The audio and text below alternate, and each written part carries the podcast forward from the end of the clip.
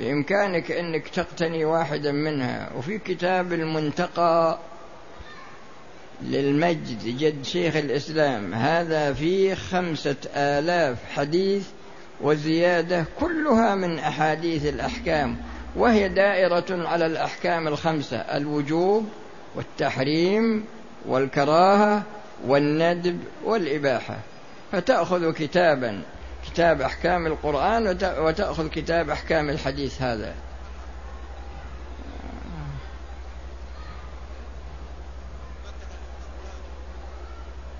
وهذا يسأل عن الإزار المحيط يعني مثل اللي يسمونها تنورة الحين دلوا يلبسونها الأولاد الحين.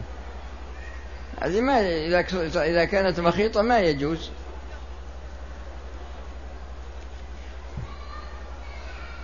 هل يجوز العمل في البنوك الربوية؟ لا يا أخي لعن الله آكل الربا وموكله وكاتبه وشاهديه وقال هم في الإثم سواء. والدي رحمه الله قبل وفاته طلب مني أن أبيع أراض معينة وأزرع وأزرعها أنا وإخواني البنات ولم يتيسر ذلك. وقد توفي الآن. هل أقوم ببيع؟ لا أصبحت الأراضي هذه ملك للورثة. إلا إذا كان الرجل عليه دين أو, أو له وصية. فينظر في وفاء دينه أولا ثم تنفيذ وصيته الشرعية ثانيا ثم بعد ذلك الباقي يكون للورثة. ولا بد من إقامة وكيل على وكيل على الثلث ولا بد من إقامة وكيل من الورثة من أجل أن يوفي الدين من جهة وينظر في التركة من جهة أخرى.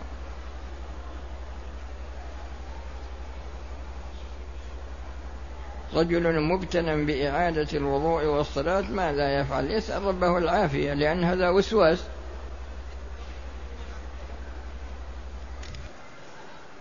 هل الإحرام من العمرة في من العمرة من التنعيم بالنسبة لمن جاء واعتمر وأراد أن يعتمر مرة ثانية خطأ لا ما هو خطأ. وهل يجب عليه العودة إلى مكان الإحرام التابع لبلده؟ لا. إلا إذا فسدت العمرة. إذا فسدت العمرة يرجع إلى الميقات الذي أحرم منه للعمرة التي فسدت مثل واحد مرة يعني هذا في الحج لكن نفس الحكم واحد. رجل طلب زوجته من بلاد بعيدة هو يسألني.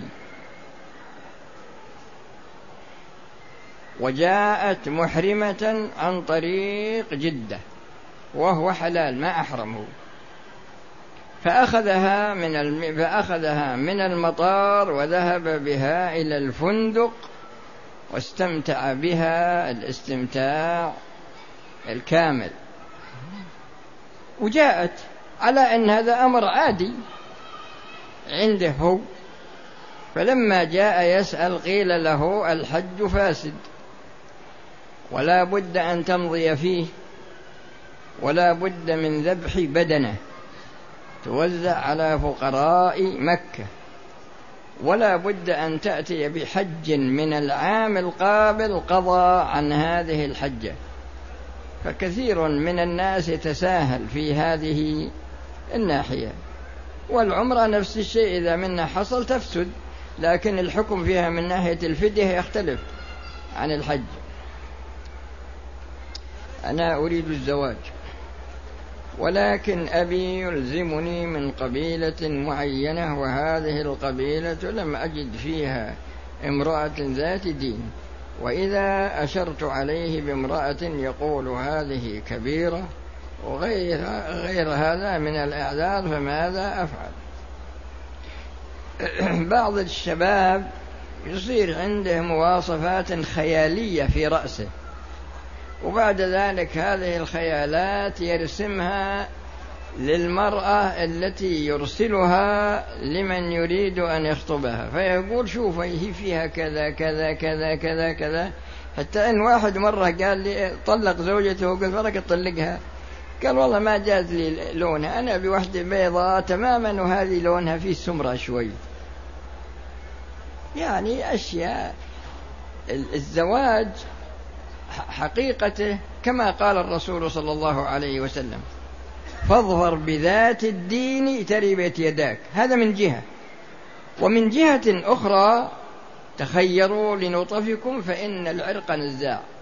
لأن الأولاد الذين ستنجبهم أنت انظر إلى أخوالهم وأعمامهم فإنهم سيكونون نسخة مكررة. ولهذا العرب كانوا يعتنون بهذه الناحية. أما الآن الواحد يهمه الشكل. ولهذا تجدون في مشاكل الآن تحصل مشاكل أخلاقية ومشاكل عائلية ومشاكل مالية. واحد تزوج وحده. أنا لا أحب أسمي جهات أبد ولا أسمي أشخاص. فأكرمته إكراما أعماه. وعنده بيت هو يسأل. عنده بيت بمليونين فاستدرجته حتى كتب لها البيت في المحكمة. وأخذت الصك وقالت له أريد أن أزور أهلي. فقال طيب اشترى لها هدايا لأمها وأخوانها وخواتها وأكرمها مرة وراح معها وداها. لما وصل هناك قالت له والله ودي أتأخر أنا لزود أسبوعين ولا ودي إنك تنحبس أنت. قال طيب هو هو قلبه طيب. لما إنه رجع إلى بلده أرسلت له رسالة قالت صك البيت عندي وسأتزوج إن طلقت أو لم تطلق. فأنا غرضي إن عندنا الآن مما يسوء سوء التفكير في الزواج. يعني تجد في بعض الناس يكون عنده اتجاه للزواج لكن اتجاه غير صحيح. يشير عليه والده يشير عليه أخوه يشير عليه صديقه ما يقبل من أحد أبد لأنه راسم في ذهنه أمر يريد أن ينفذه. في قضايا لو لو أقصها لكم بعضها يمكن ما تصدقون فيه. فالحقيقة إن عندنا إن عندنا ظاهرة التساهل في مسألة النسب.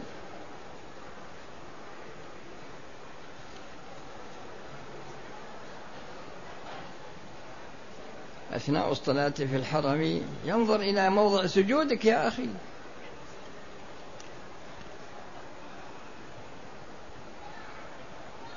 هل من الحكمة إذا انتقد عالم من العلماء؟ مساكين. واحد يسألني يقول لي بهالمكان هذا وش تقول بالشيخ ابن باز؟ وش تقول بالشيخ ابن عثيمين؟ طيب ما ماتوا. وش تقول بالشيخ ابن جبرين يعني في ظاهر فيه أنا ما أدري وش وش الأسباب اللي تجعلهم يشتغلون في الأموات؟ يشتغلوا في الأحياء. لكن الأموات أفضوا إلى ربهم وبعدين من أنت؟ واحد عمره عشر سنين. بهالحرم يسألني لاحقني مرة يقول لي وش تقول بالشيخ ابن جبرين يعني أنا أتوقع أنه مرسل. لكن مش الظاهرة هذه؟ يعني هذا تشكيك في العلماء المعاصرين وتشكيك في العلماء الذين قدموا على ربهم وخدموا الإسلام. خدمة عظيمة موجودة في أموالهم وفي ألسنتهم وفي قلوبهم في أوقاتهم. وكتبهم الآن المؤلفة المطبوعة تشهد بهذا الشيء. ويجيك واحد سفيه لو أن عمره ستين سنة يكون سفيه في عقله ومع ذلك يشتغل في مثل هذه الأمور. أي فائدة من هذا؟ واحد مرة يقول لي يسألني يقول وش تقول بالعز بن عبد السلام؟ إمام في عصره يسمون السلطان العلماء. وتجي في القرن الخامس عشر يمكن إنك ما تحسن الصلاة. ما تحسن تصلي وتسأل عن العز بن عبد السلام. الحقيقة أنها ظاهرة من أسوأ ما يكون. والواجب على الإنسان أن يصون لسانه. عن الأحياء وعن الأموات ويشتغل في عيوب نفسه. ما ما يجعل نفسه ميزان. يبي يزن العلماء المعاصرين ويزن العلماء الميتين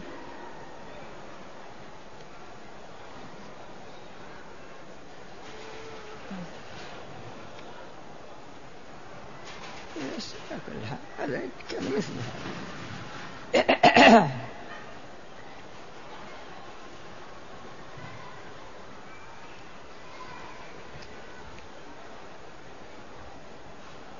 يقول ما أدري ثم في الدرس الماضي أن الله ورسوله وش لا يأمران إلا بمصلحة فانتظم تحت هذه جميع الأوامر.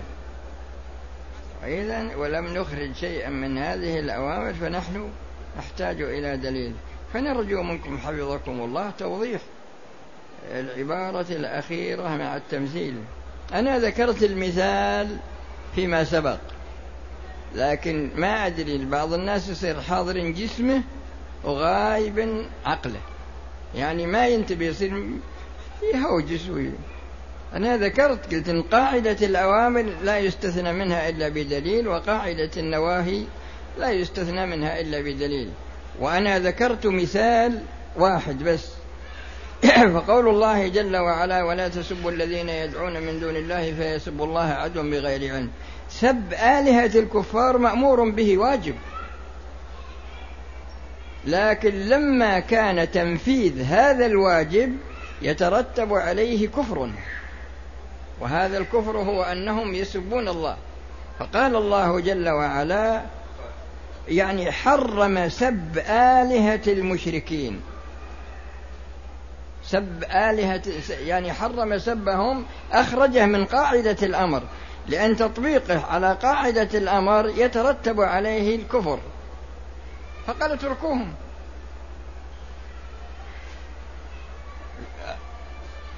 من قواعد الشريعة أن الله جل وعلا يرتب المصالح على الأوامر ويرتب المفاسد على ارتكاب النواهي الزنا من النواهي. ولهذا الزاني يعني مقتضى القاعدة أنه إذا حصل إنجاب لا يلحق بالأب ولا يلحق بالأم. لكن استثني هذا من القاعدة لأن الولد يضيع لكن ألحق بأمه ولم يلحق بالزاني. فصار حكمه مع أمه كحكم أولادها الشرعيين. من ناحية النسب ومن ناحية الميراث وغير ذلك من الأحكام. فهذا فالأول استثناء وهذا استثناء. وفي أشياء كثيرة بس ما هو محل الكلام الكثرة عليها هنا.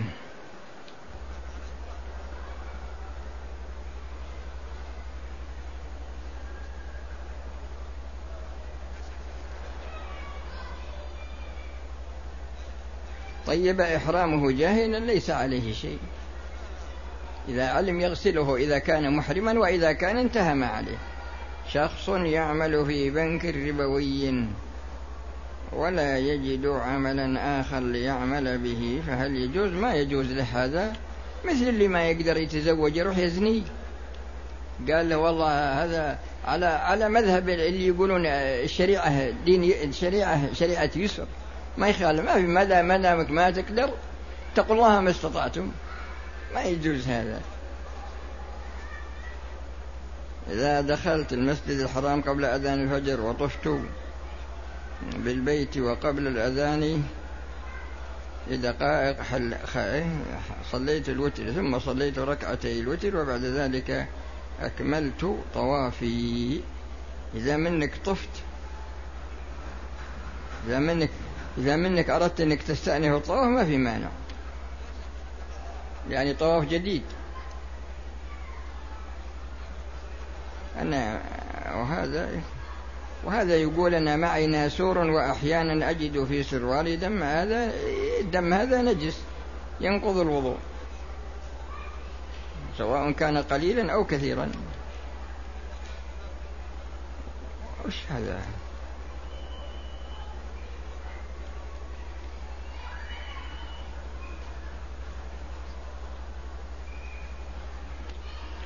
كل يخ... كل يقترح على حسب مزاجه. والسلام عليكم ورحمة الله وبركاته.